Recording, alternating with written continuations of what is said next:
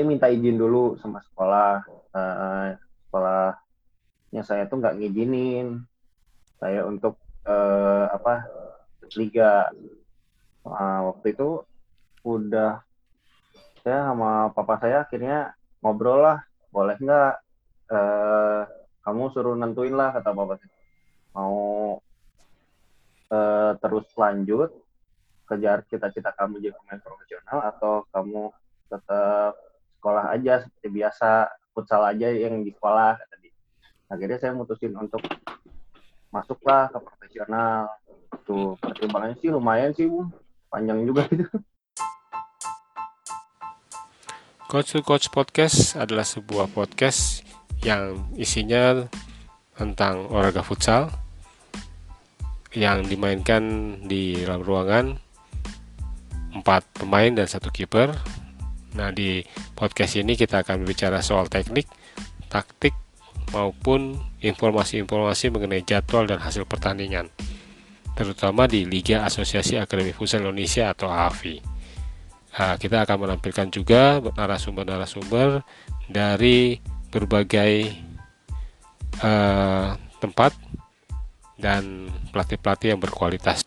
Semoga obrolan ini bermanfaat bagi pemirsa. Selamat mendengarkan.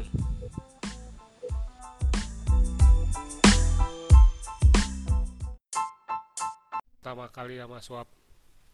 Join itu yang 2009 ya Bung ya? ya yang waktu itu. Nah, 2009 lagi saya nonton liga tuh pas lagi di Gor Citra Bung, yang seri 2 kalau nggak salah. Kita lagi seri 2 itu juga karena diajak bung nonton futsal. Nonton dulu nonton Bang Yao main di Hanggar kalau nggak salah. Main di Hanggar dan nonton. Terus pulang-pulang yang saudara Bung Peter bilang oh, uh, mau nggak main ke sana ke Jakarta tadi? Cu dikira saya tuh buat buat apa turnamen gereja Bung. Iya. saya kira tuh buat turnamen gereja karena kan waktu Peter cerita tuh karena Swap tuh kayak tim gereja gitu pertamanya. Dia nggak nggak ngomong tim Liga Pro atau segala macamnya. Mungkin dia cuma nyakanya tim gereja doang. Jadi waktu itu saya cobain kan. Waktu itu pertama kali 2009 sama Papa waktu itu pertama kali diantarin. Dan itu saya pertama kali juga pun ke Jakarta main futsal untuk uh, futsal atau sepak bola keluar kota gitu itu pertama kali nih saya bung. 2009 lah kita mulai 2009 uh, berarti bergabung pas di Semarang ya atau di seri 3 Semarang. Seri 3 hmm. Semarang. Uh, itu usia berapa tuh, Roh? Berarti itu teh baru 18 tahun deh kayaknya. 18 tahun ya. Hmm. Nah, kan kalau Dani kan tak umur 18 ya. Berarti masih sekolah dong Dan ya? Masih uh, itu teh di kelas 2 deh atau kelas 3 ya? Kelas 2 deh kayaknya kelas 2 mau naik kelas 3 SMA nah, terus waktu itu saya pernah dengar Dani eh, belajarnya di rumah ya? Itu kayak ikut homeschooling atau gimana? Kayak sebenarnya enggak sih Bung. Saya ikut waktu itu kan lagi mau ke swap itu tuh saya minta izin dulu sama sekolah. Uh, sekolahnya saya tuh nggak ngizinin saya untuk uh, apa liga. Uh, waktu itu udah saya sama papa saya akhirnya ngobrol lah boleh nggak uh, kamu suruh nentuin lah kata papa saya. Mau uh, terus lanjut kejar cita-cita kamu jadi pemain profesional atau kamu tetap sekolah aja seperti biasa futsal aja yang di sekolah tadi akhirnya saya mutusin untuk masuklah ke profesional. Tuh pertimbangannya sih lumayan sih bu. Panjang juga. Dan akhirnya saya keluar keluar sekolah. Dan akhirnya ikut sebenarnya ikut paket C itu cuman dia tuh paket C-nya kayak kayak ada sekolahnya sendiri gitu. Kayak ya kayak homeschooling juga. Itu saya tiap hari apa gitu hari Selasa atau hari Kamis saya datang ke tempatnya dia belajar buat nanti ujian-ujian uh, kelulusan SMA gitu jadi belajar di rumah ya, Bu? Ya, kebanyakan belajar di rumah, Bu. Tapi dari sekolah itu juga ini eh, gurunya datang seko dari sekolah atau di luar sekolah? uh, dia di apa ya kayak apa ya kayak kayaknya kayak kaseto mungkin ya yang tapi Oh, gurunya nggak datang ke rumah bung jadi dia kayak punya satu gedung mm-mm. satu lembaga juga gitu dia kita belajarnya di situ bung kalau disuruh datang hari Selasa Kamis kita belajar di situ dan guru-gurunya tuh biasanya dari sekolah negeri gitu yang kayak kemarin tuh saya sempat di Pak Budi dari SMA 8 kayak gitu-gitu. Rame itu. kayak tambahan Jadi satu dianya kelas itu bisa berapa satu orang? kelas tuh isinya kema- kemarin sih kebanyakannya cuma 8 sampai 10 orang Bung. Walaupun di absen ada 30, cuman biasanya yang datang cuma 8 atau enggak 10 orang gitu. ya sama itu maksudnya masih SMA semua atau Eh ada sih Bung, ada yang waktu kemarin umur berapa ya kayaknya ada yang 21, 22 kayaknya. mereka atlet Ada juga atau? oh enggak, jadi kayak kayak pekerja gitu Bung. Udah udah kerja gitu. Cuman dia pengen eh lulus di SMA-nya gitu. Mhm. Para SMA ikut. Eh 2009 main umur 18 tahun. Itu gimana tuh perasaannya tuh waktu pertama kali main liga Pertama profesional? kali main waktu itu saya eh agak-agak canggung juga sih Bung. Apalagi kan main tuh seri terakhir tuh dan di seri terakhir tuh pertama lawan Jaya Kencana deh waktu itu. Jaya Kencana eh terus yang lebih tegang tuh pada saat lagi main lawan Elektrik sih Bung. Karena kayak ada nama-nama besar lah di futsal kayak Bang Wi- Wilan, terus ada Bang Amril juga main, Topak main. Jadi yang tadinya saya cuman lihat mereka, terus saya harus satu lapang dan tanding sama mereka tuh apa ya? Canggung juga sih Bung. Tegang iya, campur plus itu kan lagi sakit Bung. Mhm. Kita tuh saya sama Gary tuh habis sakit. Itu juga mempengaruhi juga sih kayaknya Bung ke Iya. kondisi. Eh, main di pertama kali berarti di Jatidiri ya? Eh di Jatidiri tuh Bung Feki waktu itu sebenarnya udah kasih tahu saya sih Bung. Saya eh, di seri 3 tuh kamu eh, lihat dulu gitu. Jadi supaya saya terbiasa dengan atmosfernya dulu lah katanya. Jadi saya hanya mengamati dulu eh, Gary waktu itu main, terus atmosfernya seperti apa di seri 3, baru di seri 4 barulah mulai almarhum ngasih kepercayaan main gitu. Berarti di Jogja ya udah masuk ya. Ya di Jogja. Udah masuk. 2015 lah baru eh, Dani main lagi di situ. Ya sama Tri sama Andi ya waktu itu Andi. ya. Nah, itu eh, liganya cukup eh, apa ya menyita waktu ya Dan ya karena bisa Iya, hampir seminggu itu ya main tiap hari kalau nggak salah ya yang wak- waktu kapan Bu? Yang dulu 2015 ya 2000, 2000 oh iya ya seminggu. ya Ah. Minggu main terus itu akhirnya eh, kita banyak ngalami kalahan karena banyak yang cedera ya banyak yang Iya. cedera dan eh, apa recovery-nya kurang sih waktu itu ya waktu itu nggak Mm-mm. tahu ya kenapa eh, eh, mungkin karena ngejar waktu pelaksanaan jadi akhirnya dibuatlah seperti itu ya berturut-turut datang Mm-mm. Dari 2009-2015 ada perbedaan nggak? Maksudnya atmosfernya juga mungkin udah lebih bagus atau lebih enak Mm-mm. bermainnya Mungkin lebih enjoy sih Bung untuk 2015 kayak eh mungkin udah kemarin pengalaman-pengalaman 2009 terus ya pengalaman di luar futsal sempat juga nyobain di sepak bola. Tapi di sepak bola sih saya cuman ngelatih ngelatih aja. Jadi kayak cuman pelatih doang. Oh masuk kompetisi ini. Terus baru akhirnya balik lagi. Di kebantu tuh pas lagi ini bung. Eh, di futsal tuh. Pas lagi kita persiapan ya buat 2015 di turnamen apa ya IPC waktu itu yang ngadain di Tambun kalau nggak salah ya, di Bekasi yang ya. uh, yang di Bekasi yang kita posisi lima atau enam gitu. Lima ya benar ya nah itu itu kebantu banget sih bung. Buat naikin lagi mental saya terus uh, ngerasain atmosfernya juga turnamen futsal. Jadi pas lagi kemarin enjoy aja sih bung di 2015 nggak nggak ini cuman terhalangi sama cedera aja bung. Pertama kalinya cedera juga sih. Udah enak banget itu oke jadi jadi udah udah, biasa ya? Mm -hmm. nah, iya bung.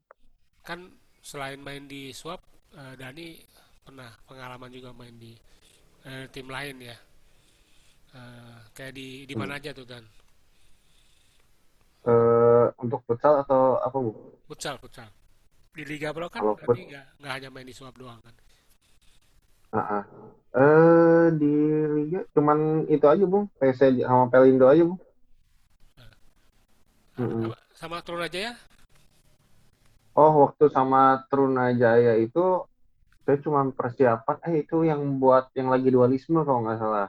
Hmm. Yang apa ya liganya di Palembang ya kalau nggak salah.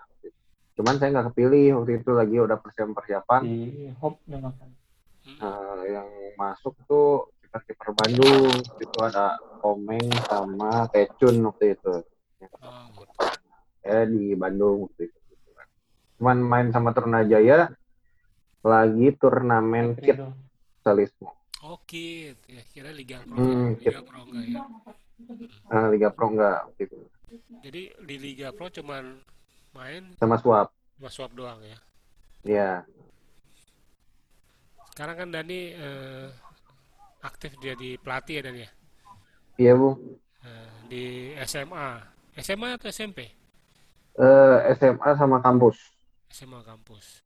Mm-hmm. Ya, terus juga Dani juga aktif juga ikut beberapa webinar kayak kemarin tuh ada Bang Adi Lesmana juga sama ikut. Uh, Anthony Garcia ya. Nah lihat-lihat dari sekarang uh, pengalaman aja sih yang hmm. waktu dulu Dani sebagai pemain sama sekarang jadi pelatih itu ada yang berbeda atau bagaimana tuh?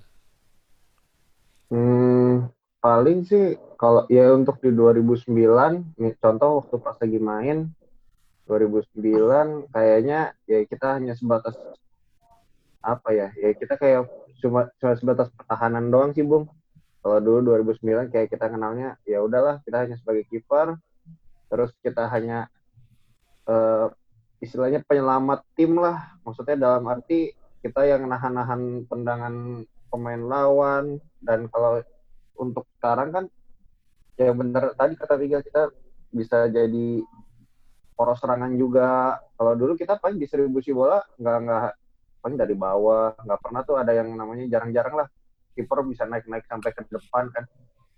Nah, kalau sekarang kan eh, banyak pelatih head head coach terutama head coach pengennya punya pemain eh punya kiper yang eh, distribusi bola bagus, penguasaan di gawang juga bagus. Nah, itu yang mungkin jadi sekarang Dani jadi pelatih apalagi khususnya kiper eh, banyak apa ya banyak belajarnya di situ sih bang dari pengalaman 2009 sampai sekarang gitu buat pemain-pemain yang jadi kiper nih nanti yang eh, anak-anak yang masih baru nih. Uh, ada nggak tips-tipsnya buat mereka nih? Mungkin dari Dani deh sebagai yang juga pelatih. Apa sih yang kira-kira yang perlu di, ditingkatkan oleh anak-anak itu? Di kita anggap anak-anak usia 13 sampai 16 ya. Hmm. Mungkin kalau untuk usia muda sih, Bung, eh, kemarin sih ya saya juga banyak belajar ya. Usia usia muda tuh sebenarnya ke teknik dasarnya yang harus lebih banyak dikuatin dulu. Nah, nanti di usia-usia berikutnya kayak contoh nanti di contoh di usia 16 eh, kita udah mulai tuh masukin beberapa mungkin masukin beberapa strategi lah tapi tidak full sepenuhnya gitu. Jadi kita hanya mengenalkan saja dulu. Jadi kadang-kadang kan uh, kiper mungkin sekarang juga memang harus belajar kan mungkin belajar tentang uh, situasi permainan terus uh, misalnya contoh satu tim itu pengen head coachnya pengen kita main seperti tiga satu distribusi bolanya harus ke mana kita harus uh, si kiper juga harus belajar gitu caranya. Kita hanya latihan kiper aja cara catching cara stepnya tapi kita harus belajar caranya formasi tim kita seperti apa. Nah mungkin untuk usia muda yaitu yang tadi saya bilang teknik dasar yang harus dikuatin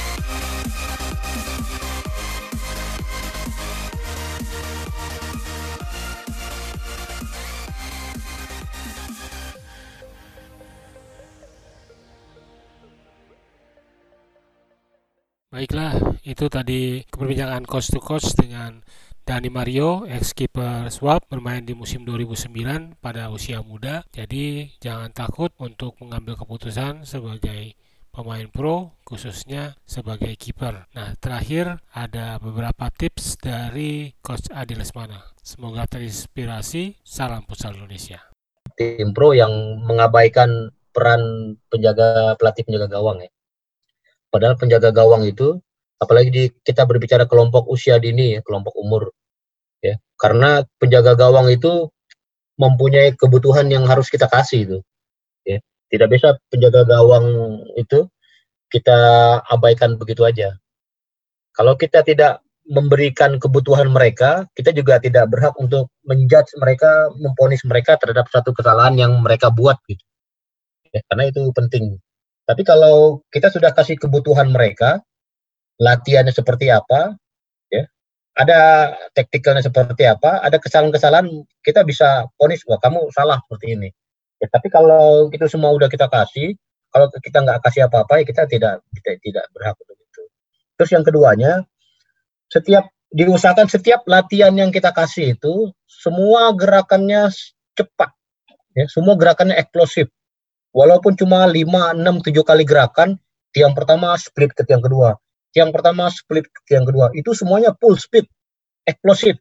Ya, jadi bukan split santai bangun lagi, split santai lagi. Ya, uh, bukan bukan kita tidak masuk ke zaman itu lagi sekarang. Ya. Jadi walaupun cuma lima kali gerakan, empat kali gerakan, diusahakan se, se eksplosif mungkin gerakannya. Ya, walaupun cuma untuk ke kelompok umur ya. Ya, jadi akan terbiasa mereka pada saat nanti naik level ke senior. Ya, mungkin itu.